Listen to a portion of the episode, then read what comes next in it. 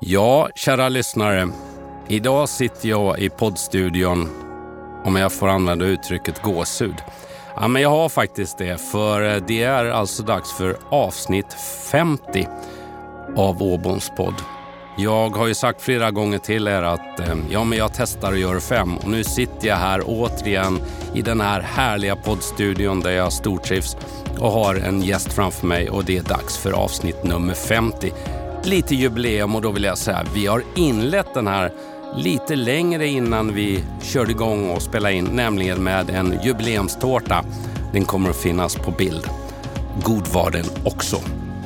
Jag måste också få passa på att dela med mig av två stycken så kallade feedbacks jag har fått de senaste dagarna. En fick jag ganska nyligen från en av gästerna i podden där hon berättade att en vän och företagsledare hade berättat att när hon i sin tur önskade lite inspiration, kände att jag behöver ny energi, då sätter hon på Åboms podd på vissa avsnitt och lyssnar. Och på det sättet får hon både kompetens och energi tillbaka. Och jag kan ju bara säga ödmjukt, wow vad intressant och vad tacksam jag blir när jag hör det. Det andra jag vill dela med det var en person jag träffade ganska nyligen. Vi var på ett kalas tillsammans av en gemensam vän. Den här personen, Helen, vi känner varandra väl. Hon berättade att hon har lyssnat på samtliga av mina avsnitt. Helen är eh, inte så jätteerfaren eller tidsmässigt som chef men väldigt duktig inom sitt gebit. Men har nu tagit steget och sedan något år tillbaka även blivit en ledare. Och eh, hon berättade vad hon fångar med samtalen och att hon lyssnar på alla. Och det sättet som hon beskrev det på och den kramen jag fick som tack för att jag har tagit initiativet till de här ledarskapspoddarna. Ja, Helene Mattsson, jag blev väldigt rörd och glad och tacksam så att jag vill bara mm, säga stort tack för att du är ett, om vi får säga ett stort fan av Åboms podd och tack för den du är och stort lycka till med din fortsatta chefsresa. Med det sagt så eh, sitter det framför mig idag i poddstudion en gäst. Jag har förmånen att ha bjuda in en intressant person. Jag tror att det är en väldigt driven person. Det är en engagerad person och det är en person som har två karriärer, vilket vi ska komma till snart. Dagens gäst är jag definitivt nyfiken på att få dela vårt samtal med er lyssnare. Vi känner varandra inte på det sättet så att jag är minst lika nyfiken på att se vad som har skapat den resan som ni är. Jag vet att eh, dagens gäst är född i Kungsängen. Idag så bor dagens gäst i Bromma. Jag har hittat att det finns en utbildning från IOM Business School. Men sen kommer vi till någonting. Ja, tennisproffs på ATP-touren i 13 år. Rankades som världens bästa juniorspelare 1989. Har 16 segrar på ATP-touren som senior. Rankades som bäst nummer 32 i världen i singel och så nummer 11 i dubbel. Men håll i er, nu får man ju än mer gåshud. Det är ju häftigt som bara den. Spelat Grand Slam-finaler i dubbel och spelat hela 24 matcher i det svenska Davis Cup-laget. Wow, säger jag. Country manager, då tog karriären fart som inte handlade egentligen om idrotten då, den prestationen, utan nu gick vi in på yrkeskarriären. Country manager för Ladbrokes och där hittade jag en resa någonstans 2002 till 2008. Därefter marknadskonsult på Håkansson United. Men sen kommer vi till entreprenören tror jag. I slutet av 2010 så grundade dagens gäst något som heter Good to Great Tennis Academy och det gjorde han tillsammans med Magnus Norman och Mikael Tillström som också är två tennisprofiler i Sverige. Och sedan några år tillbaka så är min gäst inte bara entreprenör, nu är han också bolagsledare och han är VD för något som heter Collector Arena och Good to Great Tennis Academy som ligger i Danderyd i Stockholm. Med den inledningen så säger jag varmt välkommen till ingen mindre än Niklas Kulti. Tack så mycket. Har jag lyckats fånga lite grann av din resa, Niklas? Ja, det är lite grann tror jag du har fått in där, absolut. Du ska få komplettera. Men det är ju en häftig, du har alltså det vi har sett i tv, din, din tenniskarriär, din aktiva där och sen har du då nu en näringslivskarriär kan vi säga. Och det ska vi få se. Vi ska prata om skillnader, vi ska prata om likheter, vi ska prata om drivkrafter tillsammans. Men innan vi kör igång och du får berätta mer om det så tänkte jag, du kan väl ändå till mig och mina lyssnare berätta lite mer bakom den här eh, resan då. Vem är Niklas Kulti? Ja, det är en intressant fråga. Eh, jag är en eh, helt vanlig person uppvuxen i Kungsängen som du pratade om. Jag har en fem år äldre bror som eh, också spelade tennis och min eh, drivkraft när jag var ung det var egentligen att kunna slå honom eh, så fort som möjligt och helst imorgon i tennis. Och Ja, sen har jag haft en, en ganska lång tenniskarriär, var väl lite av en barnstjärna. Jag blev korad till världens bästa junior och sen hade jag 13 år på touren. Efter det så valde jag att eh, plugga eh, för jag hade ambitioner och en drivkraft att göra någonting eh, efter min tenniskarriär och starta upp någonting eh, nytt. Vad det nu var, det visste jag inte då. Eh, det enda jag visste att jag ville ha redskap och eh, verktyg för att kunna ta den här resan någonstans. Lite som du har varit inne på så har jag ja, jobbat på ett spelbolag som heter Ladbrokes och sen var jag jobbat på ett konceptualiseringsföretag och som jobbade med sponsorstrategier som heter Håkansson United och sen eh, startade vi upp Good to Great då, tillsammans med Mikael Tillström och Magnus Norman. Men eh, det är ju mycket av eh, vad har jag gjort, personen jag är. Ja, det varmaste och, och, viktigaste för mig det är mina fem barn. Jag bor i Bromma och gillar att eh, umgås med vänner, hitta på saker, eh, vara mina barn och hitta på saker med dem. Så att, eh, det är väl, väldigt, väldigt kortfattat eh, om mig.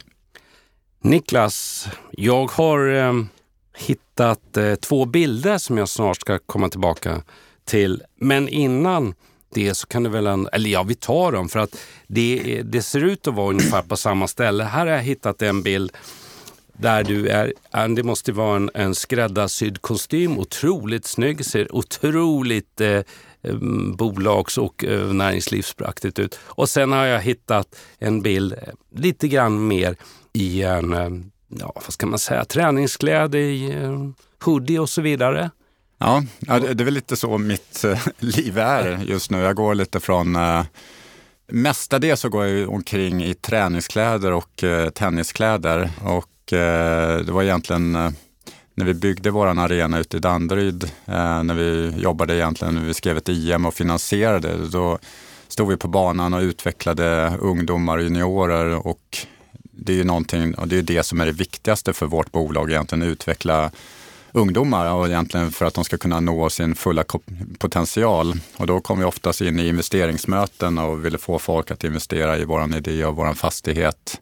Då kom vi in med, ja, med egentligen i tenniskläder och kunde komma in liksom till shorts och grusiga strumpor, liksom, vilket jag tror inte så många de har haft möten med, med en person som springer omkring i, i tenniskläder. Men det var egentligen någonstans för att vi hann inte med annat. Eh, och sen när man eh, har lite mer tid att förbereda så kanske ska förhandla med banken och då, då får man väl försöka klä sig i bankkostym så att säga. Det, det, är lite som han Jonas Birgersson som grundade Bredbandsbolaget. Man kunde se han i shorts med en eh, orange Helly Hansen-tröja bredvid Wallenberg. Det är lite så här. Ja. Du har lite, ja. Nej, det förstår jag att det är en utmaning kring det. Men du ser väldigt snygg ut ja, i kostymen. Tack snälla du. Ja. Du ska naturligtvis få berätta lite om, för jag är ju, lite, jag är sportintresserad som bara den, så du ska få Kul. berätta. Så att jag har ju lite, det är ju häftigt även för mig att få, få sitta här med en, en, en sån spelare som du var och den karriären du har gjort.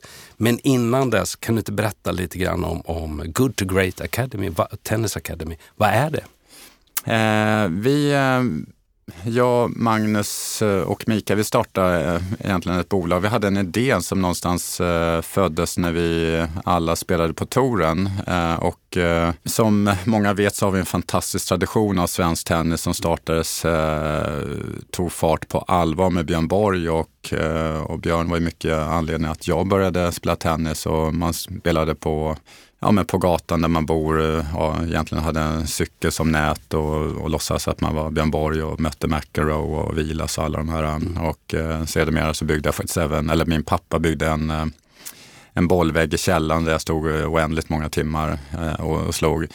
Eh, men när vi var ute på touren så eh, märkte vi att återväxten i svensk tennis var inte, var inte lika bra som den någon gång har varit. För efter Björn Borgs eh, framgångskarriär så kom ju då Villander, Edberg, Jocke Nyström, Jerry, då, du kan nämna hur många som helst. Och sen kom våran generation med det var också väldigt många med, med Magnus Micke, Magnus Larsson, Magnus Gustafsson, Jonas Björkman, Thomas Enqvist. Det, ja, men det finns det oändligt mm. många, men vi lyckas vinna Davis Cup eh, några gånger och sånt.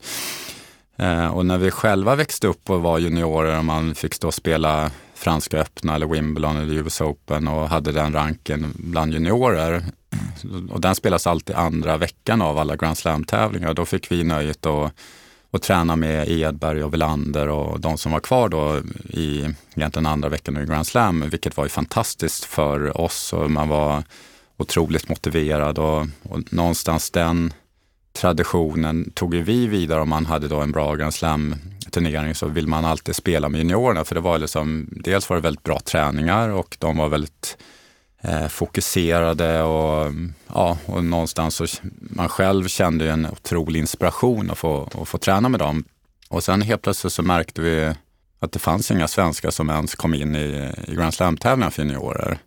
Och då började vi grä, gräva lite och det här diskuterade vi då ganska mycket då på ja, bland oss svenska spelare. Liksom, hur ska vi, vad, vad är det som händer? Och då fördjupade vi oss ännu mer eh, och märkte och förstod att alla, alla många svenska tennisjuniorer, killar och tjejer, de åkte ut i första och andra omgången i Europamästerskapen. Där vi en tid, eh, jag tror det var på, om det var 80-talet eller någonting, så tog eh, Sverige hälften av alla medaljer. Så att det var ju otroligt. Och då kanske inte så här, man tittar ja, men historiskt så kanske inte var så konstigt att alla de blev så bra och vår generation också. Men, och då kände vi liksom, ja, men vi måste göra någonting åt det här och vad kan vi göra? Och vi vill ju också kunna titta på en Davis Cup-final där Sverige är involverad eller en Fed Cup-final där Sverige och tjejerna är med. Så då donerade vi lite pengar till Tennisförbundet och eh, ett år senare så fick vi egentligen frågan vad, ja, vill ni göra det här igen? Och då frågar vi mm, ja, lite för sent då, eller liksom vad ni har gjort. Och, ja, och då hade det inte hänt speciellt mycket tyvärr. Eh, och, och då egentligen började vi diskutera vad egentligen skulle vi göra för att egentligen få tillbaks eh, svensk tennis och vad gör de utomlands när de får då framgångsrika och duktiga juniorer som inte vi gör i Sverige. Eh, för vi kunde konstatera ganska snabbt att eh, går vi i samma fotspår så blir det ingen utveckling.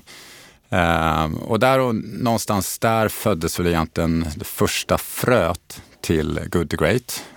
Som egentligen eh, är precis som namnet, vi vill utveckla tennisspelare från eh, good to great eh, och egentligen ja, få dem till, utveckla dem till världsklass helt enkelt.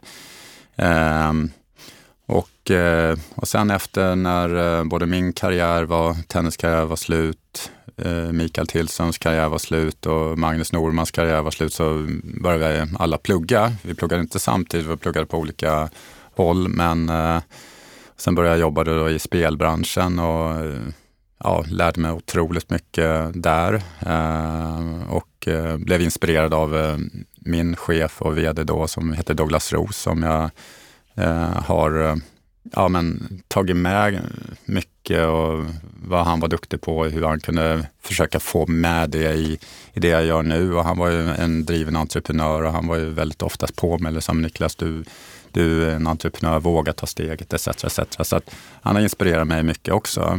Um, men um, ja, någonstans efter min tenniskarriär så för mig personligen så var det otroligt viktigt att utbilda mig. Jag vill ha redskap och ville liksom inte få något jobb för att jag känner mycket folk eller att jag varit duktig i tennis, utan jag förstår det som att jag vill göra någonting som man kan utveckla och liksom förstå egentligen eh, hur man ja, utvecklar bolag eller vad man gör och sen eh, ganska snabbt så tyckte jag ja, det var otroligt inspirerande och intressant.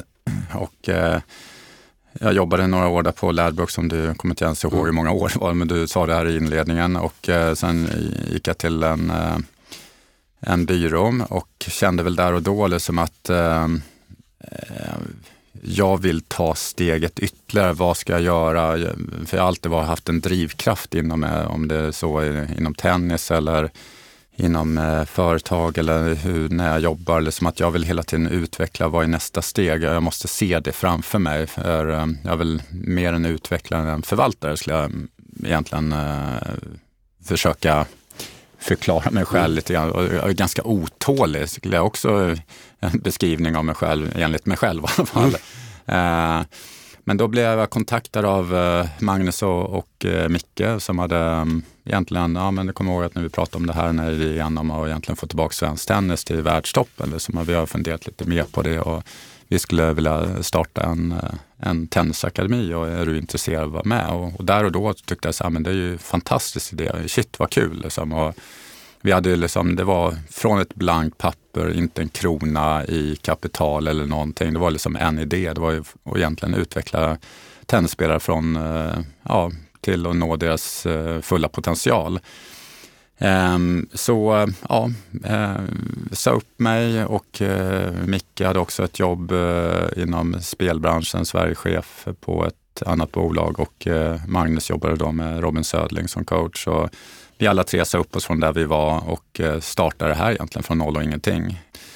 Och ehm, någonstans när vi sitter här och försöker skriva liksom affärsplaner och vi, vi åkte ut och egentligen låste in oss en, en hel helg och skrev affärsplaner. Hur ska vi egentligen få det här lönsamt och vad vi ska göra och på vilket sätt? Och vi förstod liksom ganska tidigt att starta en akademi och egentligen bara tro att det ska löna sig med att folk betalar för att man ska träna tennis och utveckla sina barn med förvisso duktiga tränare, eh, det kommer inte löna sig för den historiken finns inte riktigt i förenings-Sverige. Mm. Där, eh, ja, vilket är fantastiskt i, i sig, men det, man kan inte starta ett bolag på egentligen och, och göra det, för någonstans måste plus och minus ska ihop. Och då börjar vi tänka och försöka förstå hur ska vi egentligen utveckla det här? Och allt från liksom att i sponsorstrukturer. Vi måste tänka annorlunda än vad det historiskt har gjort och vi måste förstå eh, att vi ska skapa värden för bolag. Hur kan vi utveckla det? Eh, och egentligen jobba med intressebaserad marknadsföring, eh, CSR eh, och egentligen eh, ta ett litet annat angrepp på egentligen sponsorskap och sen någonstans så förstod vi där och då, liksom när vi sprang runt bland eh, många duktiga företagsledare att eh, det är inte bara liksom att eh, ja, men de sponsrar då för att de har en viss position, utan det är väldigt mer ja, men komplext än så. Men många var, har ett stort hjärta till framtidens tennis, men även till sin egen tennis. Och då kände vi liksom, det här finns det någonting som är rätt intressant. Hur kan vi hitta styrka i det. Eh, och eh, själv har varit med i olika affärsnätverk då när jag jobbade på min tid på Ladbrokes, även på Håkansson United och, och kände liksom vad, vad, är, vad är bra med ett affärsnätverk och vad är styrkor och svagheter och, och, och så började vi diskutera det ganska eh, ingående och kom fram till ganska snabbt att de här affärsnätverken som vi alla tre hade varit med i, de, ja, det kanske är två till fyra möten per år. Och folk springer och delar ut sina visitkort till höger och vänster, men det blir inte så mycket affärer av det. Utan vi kände att vi måste öka upp frekvensen, vi måste få dit dem på en helt annan, ja, men, eh, att de har kärleken till sporten, träffa dem i hjärtat hjärtat, att de verkligen vill där. Och någonstans, och då hade vi börjat anställa några fantastiskt duktiga tränare också. Så vi egentligen, vi startat ett affärsnätverk som då grundas i med att vi, att vi tränar dem i tennis då, och då en frukosttennis där vi jobbade och utvecklade de här väldigt duktiga företagsledarna och personerna, liksom, män, kvinnor, som kom och någonstans utvecklade vi dem i tennis och, liksom, och var ganska tydliga och tuffa mot dem, och, vilket vi fortfarande är. Um, men de blir bättre. Och sen har vi då en frukost tillsammans och då någonstans så kommer de dit med garden nere och det är flera som har startat bolag tillsammans och gör affärer ja, över gränserna och egentligen ja, hittat helt nytt gemenskap, vilket ja, jag skulle vilja säga i, idag är vi nog kanske Nordens starkaste affärsnätverk. Anledningen till att du och jag träffas är ju en annan Niklas då som eh, inte är med i eller på tennis men är ju med för ni har ju utvecklat det här också så att det är ju också ett paddelcenter idag. Och han har ju berättat om, om just de här frukostmötena, frukostträningen och sättet att vara. Och för vissa är det ju en livsstil har jag förstått nästan, mm. som ni har skapat. Ja men, ja, men det är ju fantastiskt kul och det, det är någonting som är gemensamt, för det är många eh, egentligen väldigt mycket framgångsrika män och kvinnor och man ser drivet de har och egentligen när de kommer dit och då ska träna tennis eller paddel som de nu också har startat, så vill de bli bättre. Och de är kunskapstörstiga, de vill utvecklas och de är intresserade. Och, så därför är det, den drivkraften har ju såklart tagit dem till det de är när de startar bolaget. Det är mycket entreprenörer, det är, många, det är en del advokater, det är fastighetsägare. Så att det är eh, en salig blandning, vilket blir också härligt med alla. Liksom, alla kommer dit för att egentligen bli bättre. Och eh, i, eh, ja, men när man, egentligen det är såklart att man, eh, när man är junior och tonåring och yngre 20, liksom att man har en brant utvecklingskurva. Men det här är ju ganska kul att se liksom att många i den här åldern, där jag själv är, har också en brant utvecklingskurva och går in för det helhjärtat. För er måste ju det här vara ni som ligger bakom det här, eh, det här är ju naturligtvis väldigt roligt, det är givande, men det är ju också en utmaning för att de som ni har i ert nätverk där, kvinnor och män, tjejer och killar som är med, det är ju sådana som också vill ha kvalitet. Så det ställer ju krav på er att leverera. Ja, ja absolut. Och det, någonstans blir ju det geniala ska jag kanske inte säga, men det, vårt namn Good to Great committar ju mm. i allt vi gör. Och vi har en ambition att göra allt vi gör ska vara great. Mm. Så att vi är inte intresserade av att vi har en paddeltränare eller en tennistränare som är trött eller inte levererar. Och det är egentligen ett bemötande i receptionen, egentligen inte allt. Gör vi ett event så ska det vara en great upplevelse när vi, hur vi egentligen, våran arena, hur den är eh, uppbyggd och eh, hur restaurangen är, hur maten är, hur loungen är. Allting ska vara great, det är vår mm. ambition hela tiden. Och eh, ja, vi gör vårt bästa, det är det vi kan göra hela tiden. Och någonstans är vi hela tiden, egentligen oavsett om det är en, en träning eller hur vi ska driva ett bolag eller någonting så försöker vi hela tiden utvecklas någonstans och bli bättre. Hur vi coachar våra juniorer, ja, men vad kan vi göra, hur kan vi vrida på det, hur gör de på andra ställen? Så att vi är väldigt så här, försöker ha örat mot rälsen i, i mycket av det vi gör. Du ska få berätta lite i din roll av hur mycket du så att säga rent lägger på idrotten, men också i din roll, du är ju VD för verksamheten. Jag är VD för fastighetsbolaget. För fastighetsbolag och så vice VD för verksamhetsbolaget. För verksamhetsbolag där. Men det är ju ändå liksom, då har du en managementroll som är viktig. Mm. Och jag sitter här, jag har en pressinfo framför mig då. Kommer ut imorgon du inte känner till. Nej jag skojar med dig Niklas. Utan det är något ni skickade ut för ett tag sedan där du har, och ni har förhandlat med, eh, och nu då är det Collector Bank. Det är en av bankerna som finns i Sverige, välkänd sådan.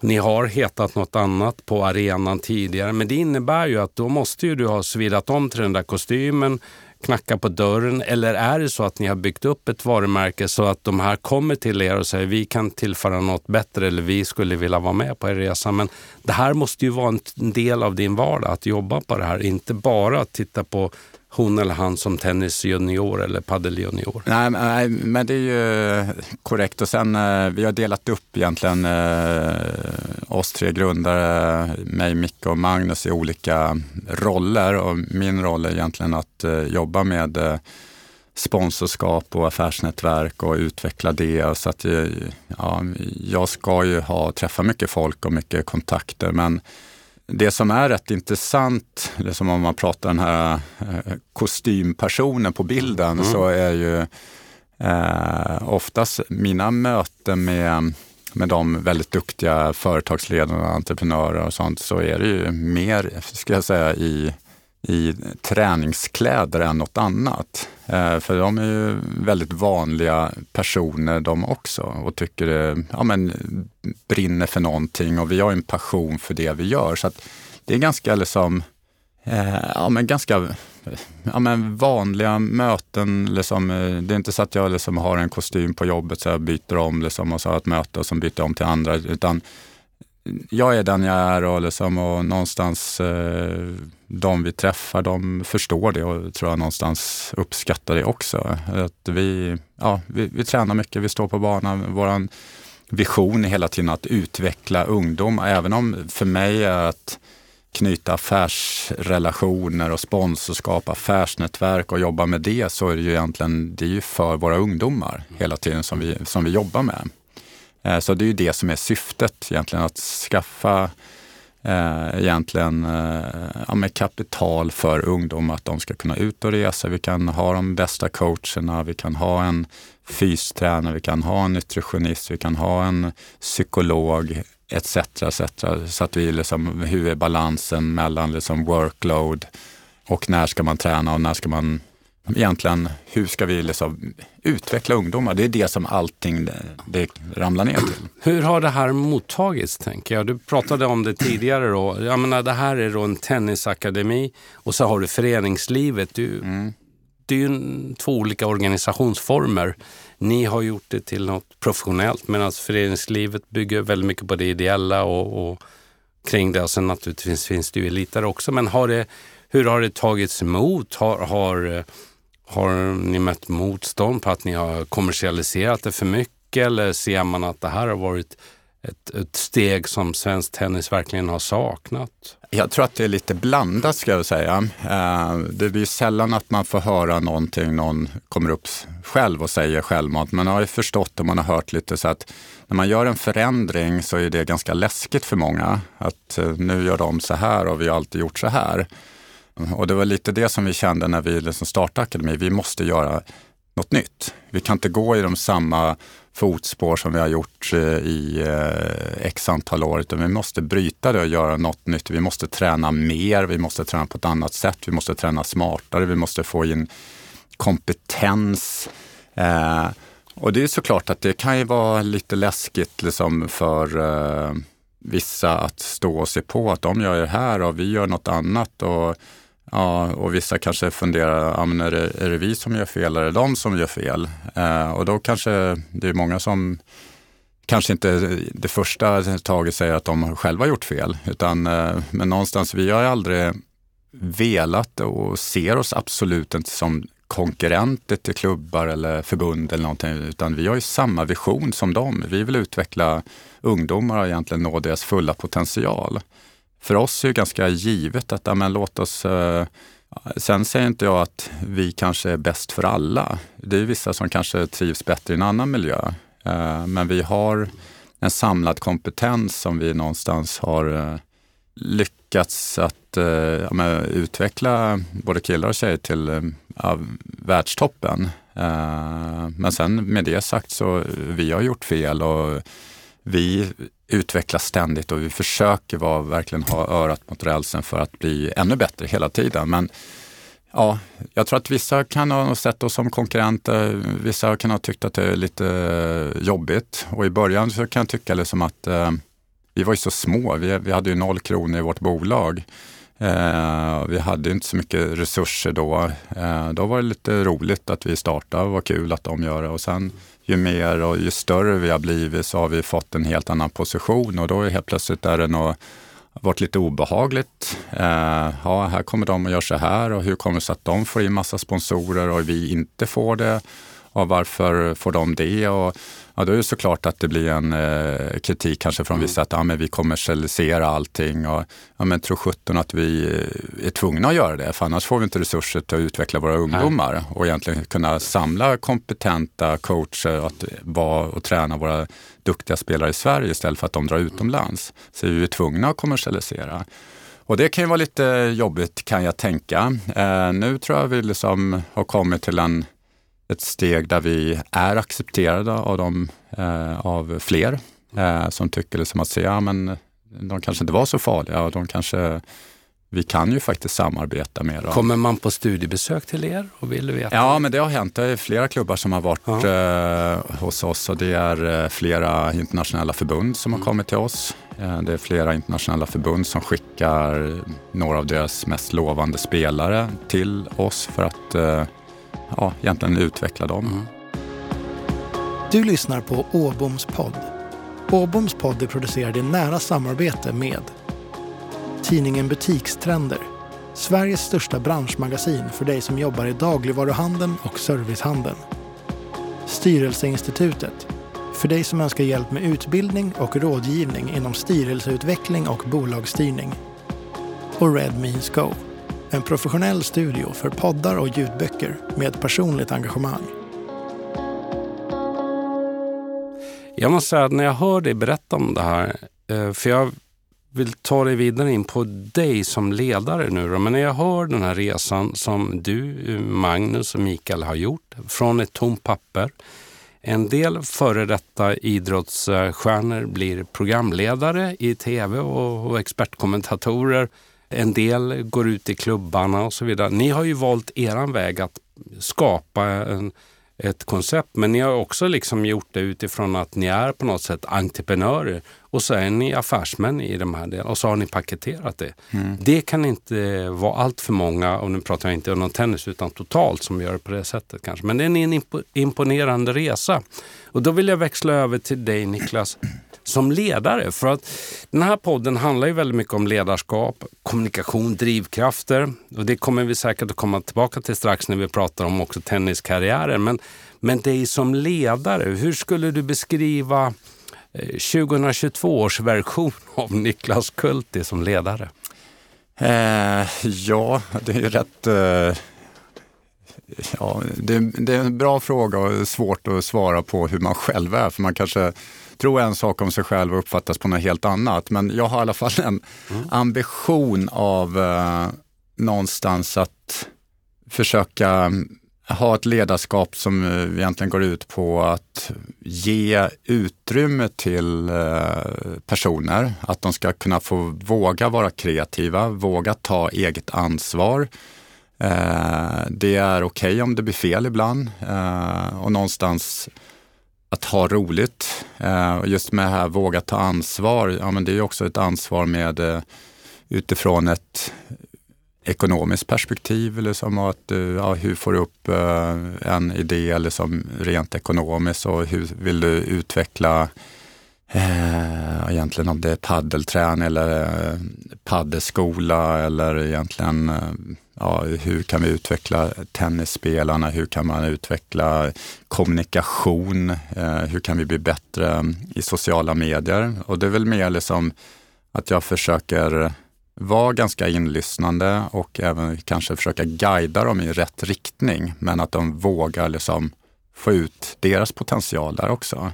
Det är lite som man kan vi jämföra lite som vi, egentligen hur vi jobbar med våra spelare eh, och egentligen utveckla våra eh, tennis av väldigt, väldigt duktiga juniorer som blir då världsspelare bland seniorer. Och då jobbar vi egentligen utifrån ett self-coached player egentligen så att i slutet egentligen så ska inte vi behövas.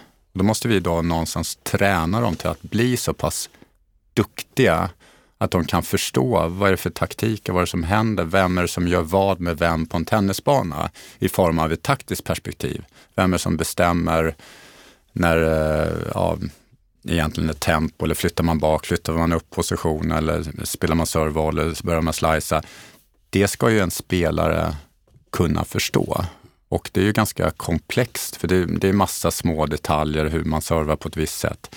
Och lite det har jag en ambition, sen vet jag inte om jag når hela vägen, men någonstans lita på eh, mina ja, kollegor och egentligen eh, våga och de ska få utrymme. Eh, och, ja, och någonstans liksom, ser man ganska tydligt och klart också om det, om det blir snett eller om det är någon som inte riktigt eh, har passionen och glöden för det. Liksom. Och då är det ju upp till mig som ledare att någonstans fånga dem i tid. Så att det inte blir någon som eh, drar benen efter sig eller gör något som inte man ska göra. Utan, men någonstans så tror jag att man får ut mest av personer genom att våga låta dem brinna och för, för sin sak och utvecklas inom det området. Eh, så att någonstans försöka ja, utveckla personen och ja, få dem att och, ja, att vara kreativ, våga göra saker och ha tankar och, så att det inte blir ett eh, ja, 9 till 5 där man bara går och, liksom och gör sina timmar och sen går man hem. Utan man någonstans, de bästa som jag har upplevt, det är ju liksom, det är när man, man brinner för, man tycker det är enormt kul och det är ju bara att gå till sig själv. Och det var ju det jag, Micke och Magnus sa när vi startade bolaget. Liksom, att, eh, vi hade ju ambition och målsättning och sånt, men vi, vi sa samtidigt att vi måste ha kul på resan. Mm. Annars så då gör vi något annat. Eh, och det tror jag liksom någonstans, har man kul så blir det bra. Och då har man lite drivkrafter och liksom målsättningar. Och, ja, men, ja. Niklas, eh, jag är ju bolagsledare som du. Jag är inte journalist. Jag jobbar inte med grävande journalistik. Du mm. ser att jag ser lite glad ut. Men, men med glimten i ögat. Men vet du vad jag har gjort? Jag har ändå tagit mig in bakom eh, fasaden på, på Good to Great Academy och frågat några som säger så här, men hur beskriver ni Niklas som ledare? Oj, intressant. Det visste du inte? Nej. Och vet du vad? Ja, men han är en person som ger frihet under ansvar. Så, precis ja. det du har sagt. Han är en person som är lyhörd och duktig på att vägleda och coacha utifrån egna erfarenheter. Och han är en ledare som visar oss uppskattning. Ja, kul att höra. Det är du. Mm. Det ska du ta med dig. Ja, det och det passar ju väldigt bra in på det du har, har beskrivit. Vad är ledarskap för dig? Men sen passade jag ju på så här, men, men det finns ju en idrottsperson i Niklas också då. Hur är han då? Vet du vad det första kom? Vinnarskalle, hatar att förlora. Ja. Envis. Ja. Nummer två, han hatar att förlora och har svårt att gå på halvfart även om det är en vänskapsmatch. Och fortsatt är han faktiskt träningsvillig och kan underkasta sig hård träning om det finns ett mål eller en tävling som man ska vara med i. Så ja. det som drev dig till att bli världsetta junior, den finns fortfarande med, fast på en annan nivå. Exakt, det var svårt att stänga av. Ja, du har det. Ja, jag tyckte det var härlig ja. och feedback de gav. Eh, men du, drivkrafterna då. Vi har förstått att du är en, eller jag har förstått att ja, men det finns en entreprenör Eh, Eh, det finns en, en, dessutom en, en eh, kreatör på något sätt som skapat det här. Ni är tre och ni har olika roller i de här delarna. Men vad är det ändå då som eh, Ja, det ska vara en affär och driva det här naturligtvis eh, kring dem. Men vad är dina drivkrafter? Och är de annorlunda mot när du var så att säga, i rampljuset i tenniskarriären mot vad det är att vara bolagsledare idag? Eh, jag tror någonstans drivkraften är, ja, när jag var junior och tennisspelare, då ville jag ju bli bäst i världen. Eh, det var liksom, eh, någonstans som junior så var jag bäst i Sverige. Jag vann eh, Europamästerskapen med 6-0, 6-0 i finalen, semifinalen 6-0, 6-0, kvartsfinal 6-4, 6-0. Eh, blev juniorvärldsmästare och då hade jag alltid en eh, en drivkraft och en målsättning att bli bäst i världen. Och det, ja, mig som junior, ja, men det pekar ju allt på att det var i den riktningen. Eh, när jag började på mm, seniortouren, ATP-touren, så tog det mig ett till ett och ett halvt år så var jag topp 100 i världen. Eh, så allting bara pekar rätt bra. Min målsättning var att jag ska bli bäst i världen. Ja, men det var ju ganska givet att jag skulle ha den målsättningen, för det pekar ju alltid i den riktningen. Sen märkte jag någonstans nu när jag blickar tillbaks att eh, det blev ett motstånd att när jag blev då topp 100 upp till topp 50 gick det ganska fort och var där runt 50, 30, 40, halkade ner till 100 och höll på där fram och tillbaks så hade jag fortfarande samma målsättning att bli bäst i världen. Eh, men någonstans intellektuellt så förstod jag att ja, men jag kommer inte bli bäst i världen. Men jag, någonstans hade jag alltid, det var ju det som hade drivit mig dit. Så att någonstans så trodde jag att det var helt rätt att ha kvar den målsättningen. Men vad det egentligen gjorde var att det satte en enorm press på mig själv. Så att varje år så känner jag mig otroligt misslyckad eh, med att jag kanske är rankad 40 i världen eller 50 i världen och känner liksom att det här, men det här var ett misslyckande för jag hade då en målsättning att bli bäst i världen. Det här var ju singel och sen eh, blev jag ju lite bättre i, i dubbel och blev bland de 20 bästa i världen och 11 tror jag som bäst. Um, någonstans så blev det ju där och då, om jag hade vetat bättre så hade jag haft en annan målsättning någonstans. För den sätter bara press. Och egentligen ett konkret exempel på det, eftersom jag förstod att jag kommer inte bli etta i världen i singel. Uh, ja, ja, men då ska du lägga ner då fem, sex timmar om dagen eh, när du vet att du, ja, men du kommer inte nå dina målsättningar. Det blir lättare att liksom kunna säga nej till saker och vara riktigt tuff mot dig själv. I, nu är det liksom, jag tränar ju väldigt tufft och hårt, men liksom för att ta de här extra, de som blir så pass bra, de sticker ut väldigt mycket. Men det var ju någonstans, som nu när jag tittar i backspegeln, så var det den målsättningen hämmar ju mig när jag kom upp till en viss ranking och liksom fick ett motstånd. Och det som eh, är viktigt som jag kommer underfund med, det är liksom att målsättningar är också en färskvara. Du måste kunna göra om dina målsättningar och förstå att det ska kunna vara uppnåbara mål. Om jag tittar på mig själv när jag var, var det uppnåbart att bli bäst i världen bland seniorer när jag var bäst i världen som junior? Svaret är ja, det är klart det är det. Eh, men sen när jag liksom någonstans förstod att det inte, ja men det här, det är riktigt, jag kommer inte bli bäst i världen, men jag var ändå rätt bra, men kände mig totalt misslyckad, vilket är ganska konstigt. Mm, så att egentligen, om jag skulle få göra om det så skulle jag då reviderat mina målsättningar och egentligen fråga mig själv, har jag möjlighet att kunna kanske halvera min ranking när jag är 50 i världen? Ska jag kunna bli topp 25? Ja, det, det, hade jag ju kunnat gjort och då hade det nog drivit mig att träna lite smart och lite hårdare och lite bättre. Um, och det är väl lite det som jag kan ta till mig liksom efter nu karriären. Det är ju såklart att jag har mål nu. Men nu är det inte liksom att ja, men jag ska vara vd för världens största bolag. Det fattar jag att liksom, det kommer aldrig ske. Eller, liksom, eller Good to Gay kommer bli eh, världens största bolag. Men någonstans så gäller det att förstå liksom, och, och ha det här målsättningen som ett mer ja, men ett levande dokument någonstans och revidera det egentligen efter varje år.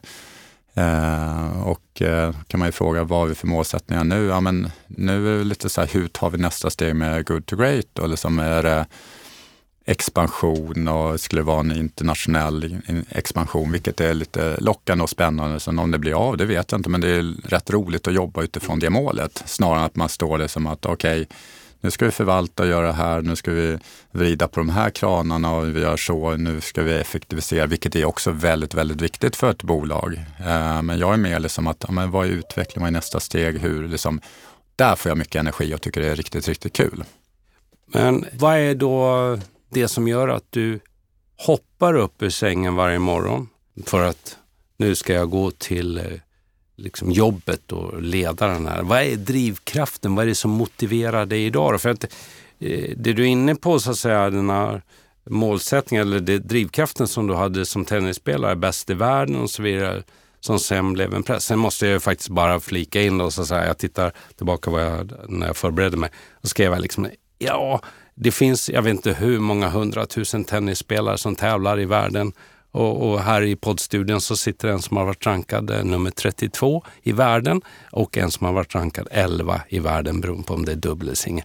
Jag måste ju faktiskt säga det är ganska bra Niklas Kulti. Ja, tack snälla. Du tack sa misslyckande. Jag känner bara, ah, jag är ja. lite, och en annan, jag ser det lite annat, men jag förstår hur du säger. Men shit, det är ändå otroligt bra. Sen jag förstår att det är ju ettan som man vill vara. Men, men, eh, ja. men idag då när du liksom ska gå till jobb, vad är det som motiverar det? Vad är ja, men jag tycker det är fantastiskt kul att komma till jobbet och det är väl egentligen uh, utifrån Många olika aspekter. Dels eh, många fantastiska kollegor, det är roligt att jobba, vi har kul på jobbet. Eh, träffar många spännande människor dagligen. Och, och sen också utveckla människor.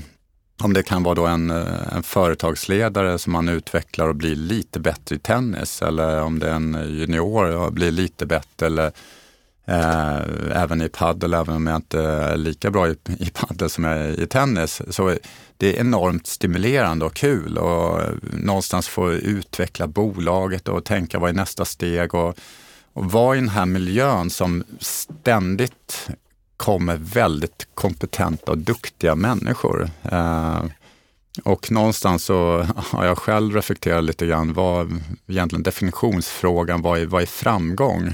Det, det, det är ju rent hypotetiskt men det är ju också ja, för att bli bra i kanske någon sport eller affärssammanhang eller så, så måste du ha en talang för det.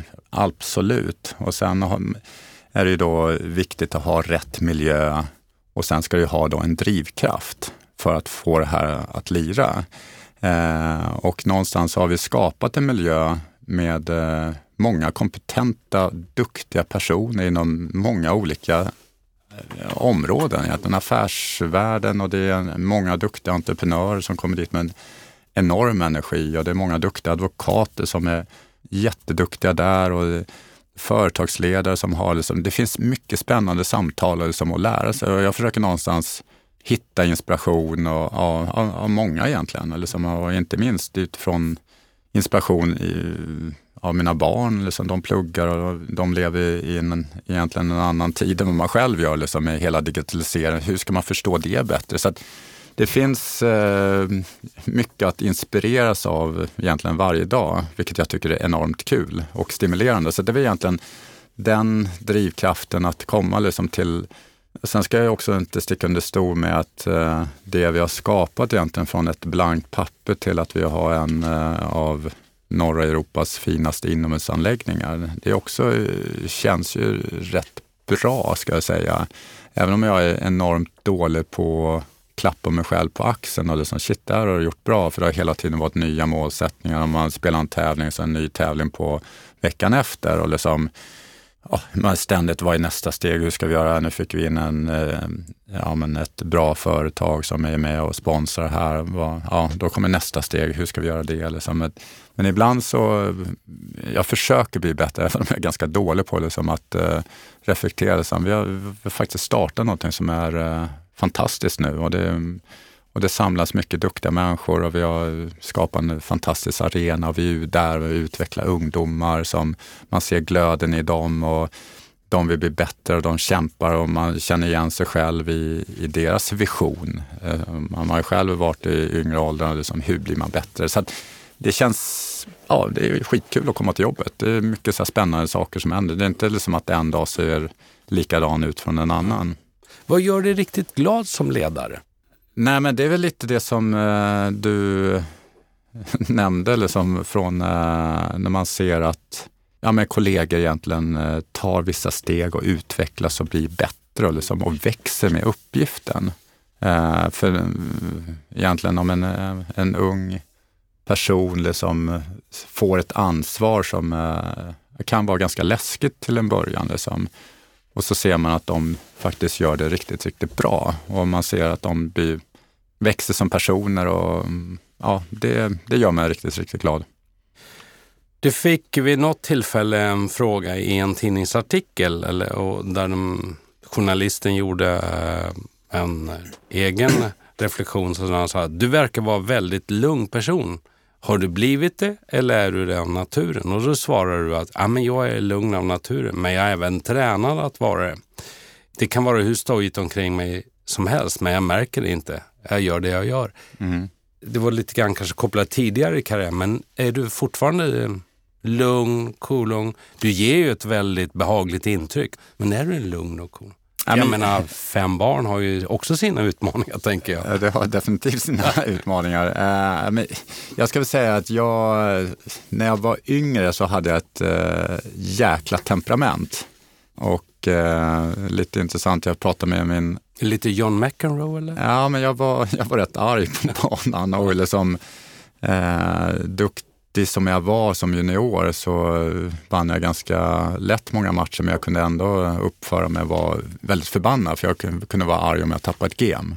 Okay. Vilket är kanske, här, det är väl inte supercharmigt. Eh, och då pratade jag med min eh, pappa om det, att men hur någonstans man själv var barn som har då tävlat i idrott eller som så känner man så här, ah, man reflekterar, ja, men det hade kanske inte varit eh, supercharmigt om ens barn får stryk av någon annan och blir utklassad och så är det den som utklassar ens egna barn som står och ropar och eh, kastar rack och tycker man spelar skitdåligt. Så, så pratade jag med pappa om det, eller så att hur kunde du någonstans tillåta mig det?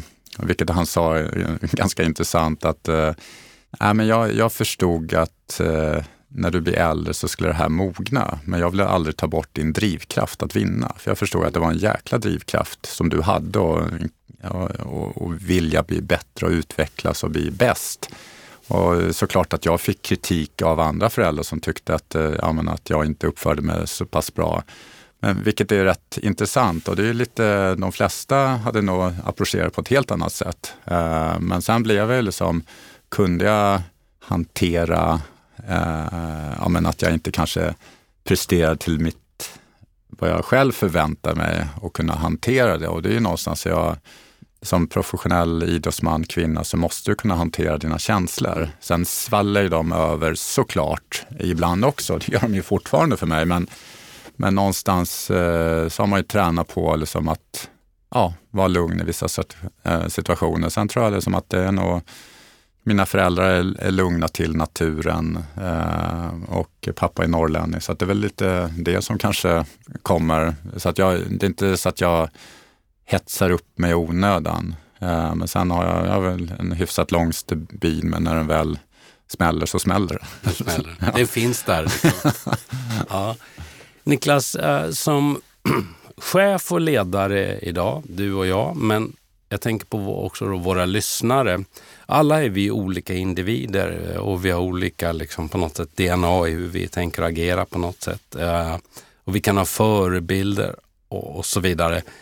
Men jag tänker ändå en viktig del i ett eh, högt tempo och utvecklingsarbete så behöver man på något sätt också bara vara sig själv och man behöver ha tid till sig själv eh, eller sin familj. Man behöver ladda batterierna. Och en sak är när du var tennisstjärna, då reste du runt från olika ställen och turneringen var klar på söndag så gick vi flyget söndag kväll eller måndag och så var det träning och så började turneringen onsdag eller torsdag igen eller tisdag kanske. Men idag som bolagsledare, men hur laddar du batterierna? Hur kopplar du av? Ja, jag ja, men har eh, en hel del vänner som jag hittar på saker med. Vi Spela kan, tennis? Nej, ja, ja, ja, ja, det kan vi i och för sig göra ibland på, på arenan, eh, vilket är också eh, konstigt nog att man säger det nu, men det kan vara rätt avkopplande när jag spelar då med, med Magnus eller Micke liksom, och bara kunna garva åt det lite mer, liksom att det inte är på liv och död längre. Så det kan vara en form av eh, avkoppling, även om vi inte gör det så ofta. Men det är mycket liksom så här, men umgås med vänner, att eh, tar en del, eh, eh, vi kallar det för manwalk, några vänner ute i, i Bromma där vi eh, där eh, vi har kommit till den åldern att vi, tidigare så sprang vi och nu har jag lite problem med knäna så nu kan vi inte springa så nu blir det en manwalk istället. Eh, men det är också ett sätt att liksom, ja, men, eh, Eh, kunna bara ventilera och vi, åker, vi är ett gäng som uh, åker skidor, uh, vi är några som spelar golf, uh, middagar hemma med, med vänner, uh, spela tennis med mina barn eller padel med mina barn, mm. göra saker med dem som är, ja, jag, jag, tycker det är riktigt kul och liksom att komma någonstans och jag tror jag är hyfsad på att kunna koppla av och på. Mm. Uh, Hur ser en typisk fredagkväll ut hemma i huset eller boende, familjens boende? Ja, men det är egentligen så familjemiddagar. Uh, vi har antingen så har vi, har vi vänner som kommer över eller så går vi över till några vänner och käkar middag eller så kan det vara ja, men kolla på någon film eller någon tillsammans eller leka med barnen och de är på någon aktivitet, man skjutsar dem till någon tävling eller något sånt. Så att, um, Ja, så det... Vad har du för åldrar på barnen får man fråga? De är fem, fem stycken mellan... Ja, äldsta är en uh, Mikaela, en tjej, 24, Emma 22, uh, Viktor fyller 17 i år och uh, Julia är uh, nyss fyllda 8 och så har jag en liten Hjalmar som fyller 4 här inom kort. Det är en... En ganska stor spann, uh, vilket, men det är ju fantastiskt. Vi kan ju ha så här, familjemiddagar då när mina äldsta tjejer har respektive med så att det är fullt av folk och det är liksom eh, hög ljudvolym och många som eh, vill synas och höras. Och, eh, ja, alltså det, det är superkul. Ja. Jätte, jätteroligt. 24, min, min, min dotter, det är ingen annan, det är bara du och jag som har hört det här, men min dotter fyller 24 idag. Jag har ah, kul. Så att eh, det blir eh, jag vet inte om det blir ytterligare tårta. Men ja, du får ta med tårtan. Ja, just det. Jag, jag kan bjuda så jag vill fixa den. Jag vill provsmaka på vägen. Så att, ja, härligt. Det är en, en, tid när de är på väg att lyfta liksom in i Ja, men det är jättespännande. Jättekul. Jättekul. Mm. Din fru eller sambo? Ja, blivande fru. Blivande fru som eh, jag råkar ha, ha då träffat som du vet. Mm. Genom att jag var kollega med henne har det ju visat sig under ett par, tre, tre år mm. drygt. Uh, för hon har ett stort golfintresse. Stämmer. Om jag skulle ringa Johanna efteråt och säga nu har jag suttit i en poddstudio med Niklas ja. och så ber jag henne beskriva dig. Vad skulle hon säga om dagens gäst som då är hennes blivande man? Ja, ja men det är, ja, det, det skulle jag vilja höra. Ja, Ja. Uh, jag har, jag kan, det är ingen kupp, jag har inte pratat med henne. Okay. Jag vill bara ja, det. är bra. Ja, då... Och så får du lova att hälsa till henne. Hon är en jättetrevlig och duktig kollega. Ja, det ska jag. Nej, men jag tror hon... Uh... Det är så skönt med lite överraskningsmoment ja, så här i en jag, jag tror att hon känner att jag utvecklar henne, utmanar henne i... Uh, um, och sen tror jag hon kommer att säga att jag är väldigt envis typisk eh, röd person om man säger. Mm. Eh, men att vi har väldigt kul tillsammans. Vi har eh, fantastiska barn som vi älskar, eh, alla fem. Eh, att vi gör roliga saker, att vi hittar på. Vi har ja, men egentligen gemensamma mål och vad vi tycker och vi pratar mycket och vi vågar prata om allt. Vad är nästa steg och hur ska vi göra det? Liksom. Så att vi, jag känner att vi utvecklar varandra och jag hoppas att hon känner samma sak. Mm. Och varför ställer jag en sån här fråga, tänker en del så här, det är ju en ledarskap. Jo, därför att det här, jag kommer till det i min summering, men det här är viktigt utifrån att få en bild av, av dig som person också. Jag menar, det är inte så, precis som vi pratade om klädbytet då, mm. jogging och träningsoverallen eller så att säga till kostymen.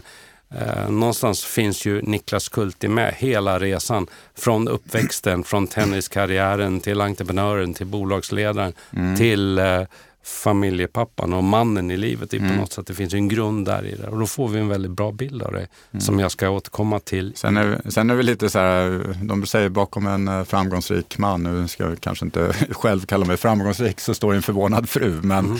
Vet, eh, hemma så är det ju, där är jag, har jag, jag brukar säga att jag har inte tummen mitt i handen, jag har den mitt på ryggen. Liksom, så att det, det, är alltid Johanna som gör allting hemma och egentligen driver hemmet på ett helt annat sätt. Så då är jag ingen typisk ledare utifrån det perspektivet ska jag säga. Du, du, du har en annan roll där? Ja, absolut. Ah, okay. Unga människor, precis som det som eh, ni tittar på utifrån Good to Great Tennis Academy med att, att ta hand om eh, lovande juniorer, utveckla dem, göra redo för steget in i, i vuxenlivet, alltså i seniorlivet och så vidare.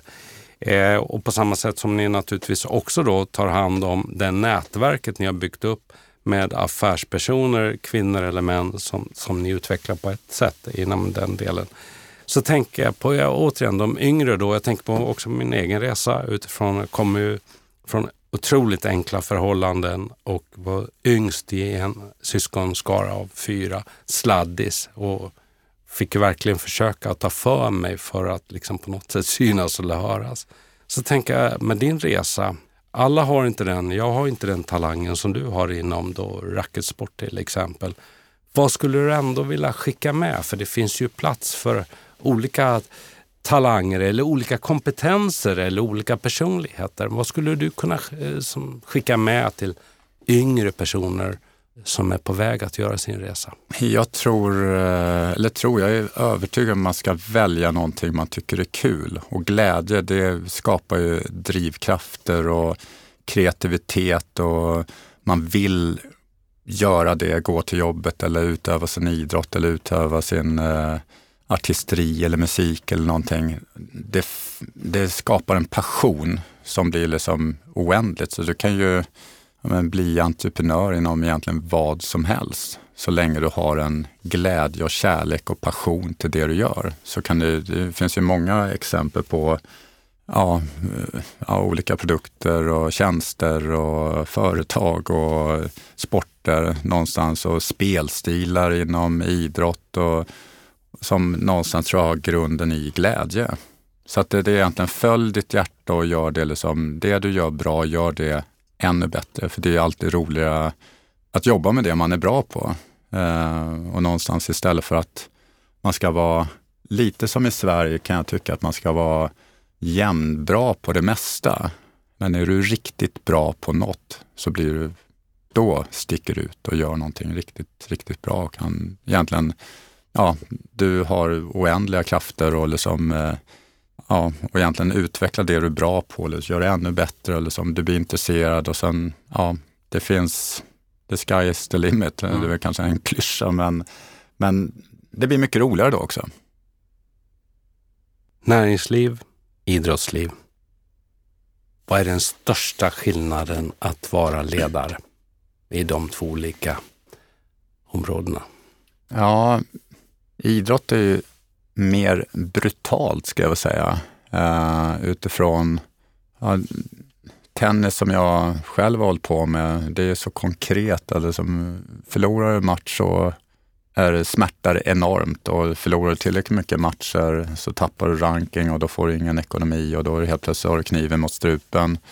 Eller för den delen nu i början av karriär, om du inte vinner de här matcherna och får upp din ekonomi så att du har råd att ja, få runt hela eh, din egentligen satsning inom, inom sporten. Så att det, det är tuffare skulle jag säga. Liksom. Eh, och eh, med det sagt så hade jag, ja, så gick det väldigt snabbt för mig. Så för mig ja, är det, var det tufft att komma in på touren. Liksom. Ja, men det är klart att det var tufft, men för mig gick det väldigt snabbt och förhållandevis eh, ja, jag har ju lagt mina timmar såklart, men eh, någonstans bland de hundra bästa som man kanske, det är de som kan livnära sig riktigt bra på sin idrott i tennis. Ja, men det byts ut kanske i snitt mellan fem och tio personer per år. Så egentligen du, du tävlar om fem till tio arbetstillfällen på ett år med hela världen. Så att det, det är rätt tufft. Och i näringslivet, det är såklart att man, men där är det lättare att få en andra chans, tror jag. Ehm, och det finns fler möjligheter. Om man tar bara egentligen procentuellt sett, liksom från de som satsar på att bli eh, en världsstjärna i, i en idrott och liksom få ett levande på det kontra en ungdom som väljer att plugga på ett universitet. Liksom. Vem är det som kommer procentuellt få den bästa hävstången liksom, hur många kommer kunna leva på ja, sin utbildning efter ett jobb eller om man satsar på en idrott. Liksom.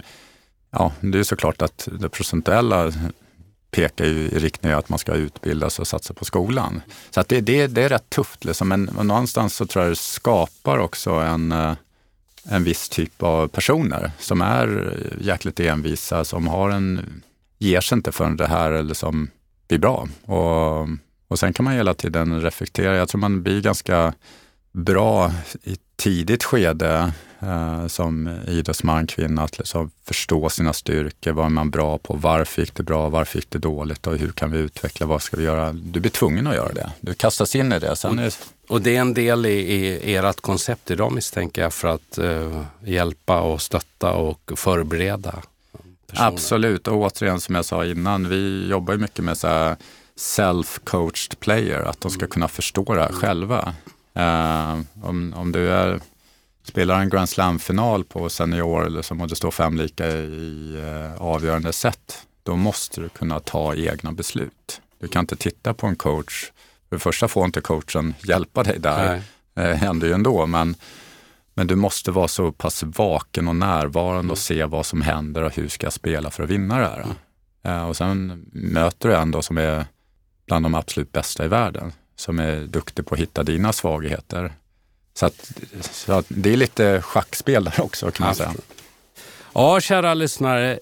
Jag känner så här att jag skulle kunna ha kört en eh, jättelång podd, en timme till. För jag tycker Niklas är väldigt intressant att lyssna på. För han har så många eh, infallsvinklar och har erfarenhet från flera olika perspektiv. Det har fångat mig. Dagens gäst började ju sin resa i Kungsängen hade en fem år äldre bror som han inte ville något hellre än snabbt som ögat, nämligen spöa, i, oavsett när de då, eh, om det var tennis eller någon annan idrott. Det är en driven gäst, det har jag märkt. Det är eh, en också något otålig i vissa sammanhang och en gäst som går igång på när det finns utveckling. Men också en gäst som kanske är lite dålig på att eh, ge sig själv eller sitt team en klapp, alltså de som grundade Good to Great, klappa axeln för vad de har skapat. Och just Good to Great Tennis Academy formades och föddes eh, utifrån att hjälpa till utifrån den fina svenska tradition vi haft inom tennisen eh, med frågan var tog svenskarna vägen i, på världstoppen? Och där gjordes en analys. Och det som jag verkligen wow tycker när jag sitter ner och funderar på samtalet, det är hur tre personer som då har varit i världstennisen sätter sig ner med ett blankt papper och skapar ett koncept som både innehåller idrotten tennis men som också innehåller affären i de här delarna. Det vill jag att du ska känna dig stolt över. Om jag får ge dig. Alltså, jag är inte någon senior på det sättet, men jag vill bara skicka med det. Tycker det är riktigt häftigt Niklas, det ni har gjort. Att göra på det sättet och eh, ta det hela vägen. Eh, sen hade ni med er någonting som både jag och andra som har lyssnat behöver tänka på. Se till att ha kul på resan. Skulle ni göra det ska ni ha kul också. Och det upplever jag att ni har kring det här. Och det är en skön stämning. Jag har ju besökt, jag har ju spelat padel några gånger i din anläggning där borta med min kompis Niklas. Och jag måste säga, det är en skön atmosfär när man kommer in där. Du har också varit inspirerad av en, som, eh, en före detta VD som heter, Doug, eller som heter Douglas Roos som, som gav dig tips och idéer. Och, så. och där kommer vi egentligen in på någon form av mentorskap som vi inte har berört i den här podden men i andra poddar som är viktigt i de här delarna att ta med sig. Niklas, du har en roll idag. Du bygger sponsorskap, du jobbar med affärsutveckling i, i det här affärsnätverk.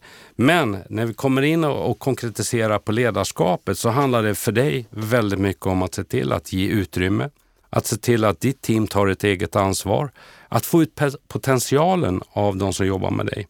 Att lita på kollegorna att skapa det så att de känner det. Att också kunna fånga passionen eller få fram att det inte finns någon passion i ditt ledarskap, eller inte i ditt ledarskap utan de du jobbar med och att lägga stor vikt vid att utveckla personen. Det där hade jag ju också lite dubbelkoll på när jag hade kommit bakom kulisserna och fått det beskrivet. Och sen det här konceptet self-coach player, att göra dem förberedda för att kunna ta det här ansvaret, precis som ni gör med tennisspelarna. Vi kommer in på att prata skillnader om idrott och näringslivet, att jobba, att vara i dem. Idrotten kan vara lite mer brutalt, i näringslivet kan det faktiskt finnas en andra chans, eller finns oftast det i de här delarna. I din resa så handlar det också om att tänka på att man måste kunna hantera sina känslor när man står inför beslut i ett ledarskap eller i olika affärsbeslut man behöver göra. Målsättningen för dig, eller när vi pratar målsättning, ja men det är faktiskt en färskvara och det måste vara realistiskt. Och då kommer vi in på det som du hade som ung, nämligen din drivkraft att vara bäst i världen. Men när du som senior så använder du ordet misslyckande, vilket jag sa att det har du helt fel i. Men, men det var min del. Men istället blev målsättningen en press. Den ska vi tänka på, tror jag, vi som lyssnar på, på dig i det här avsnittet. Att skillnaden att målsättningen ska inte bli en press som då skälper det här, utan istället målsättningen ska vara en färskvara beroende på var du är i livet och se till att den är realistisk. För då blir den inte den här pressen som skälper dig istället. Till de yngre, välj något du tycker är kul. Gör det valet. Följ ditt hjärta i det här karriärsvalet eller företagsvalet eller vad du ska jobba med. Och om du har en känsla av att det här är jag ganska bra på, se till att lägga tid på att utveckla det. Misstänk att det kommer lite ifrån tennisen, man måste träna på någonting. Är jag bra på en forehand, träna på nöt lite extra för det kommer att bli ett vinnande vapen. På samma sätt kan vi som ledare, eller du som är yngre, se till att utveckla det. Vi kom in på avkopplingen och här, här ska jag återkomma till det här med när jag ställer frågan om familjen och eh, vad din sambo skulle säga om dig.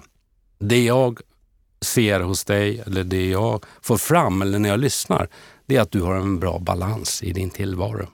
Du är cool liksom kring jobbet, du är cool kring familjen, barnen, kompisarna, avkopplingen etc.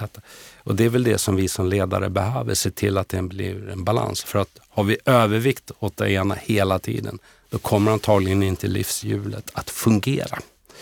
Inför det här mötet och den här härliga stunden i poddstudion så skrev jag några ord om dig. Eftersom jag inte känner dig, men jag har ju träffats en gång över en kopp kaffe. Då skrev jag att jag tror att dagens gäst, eh, Niklas Kulti, ja, men det är en positiv person. Det är en vänlig person. Det är en person som har energi. Det är en person som är tydlig utifrån tänket, vad han vill och det är en glad person. Jag tror att jag fångade allt det här. Det, är jag, det skrev jag innan vi klev in och jag känner att det har jag fått uppleva i poddstudion. Vet inte om du vill säga emot Niklas? Nej, men vad kul att höra. Vad kul att höra. Ja, vi har eh, haft en väldigt eh, intressant stund tillsammans och jag eh, jättekul att få växla mellan det som var drivkraften av din resa inom tennisen och karriären och som elitidrottsperson till att vara entreprenören med det blanka pappret till att idag vara ledaren som jobbar med att utveckla såväl tennistalanger, man säger, men också att jobba i att bygga ett affärsnätverk som utvecklar ledare i Sverige. Så att eh, från mig vill jag bara säga ett stort tack. Och jag säger även från lyssnarna till podden att du tackade ja till att få med i Åboms podd. Stort tack Mikael, fantastiskt kul att få vara med. Så att, eh, jag önskar dig allt gott och håller tummarna för verksamheten. Det ska bli spännande att se vad Good to Great Tennis Academy blir framöver. Blir det en internationalisering? Blir det världens största bolag? Eller vad det kan bli. eh, jag håller tummarna, ska följa det, jag lovar det. Men eh, ta hand om det och så lova att hälsa hem till Johanna också. Det ska jag. Tack snälla. Tack.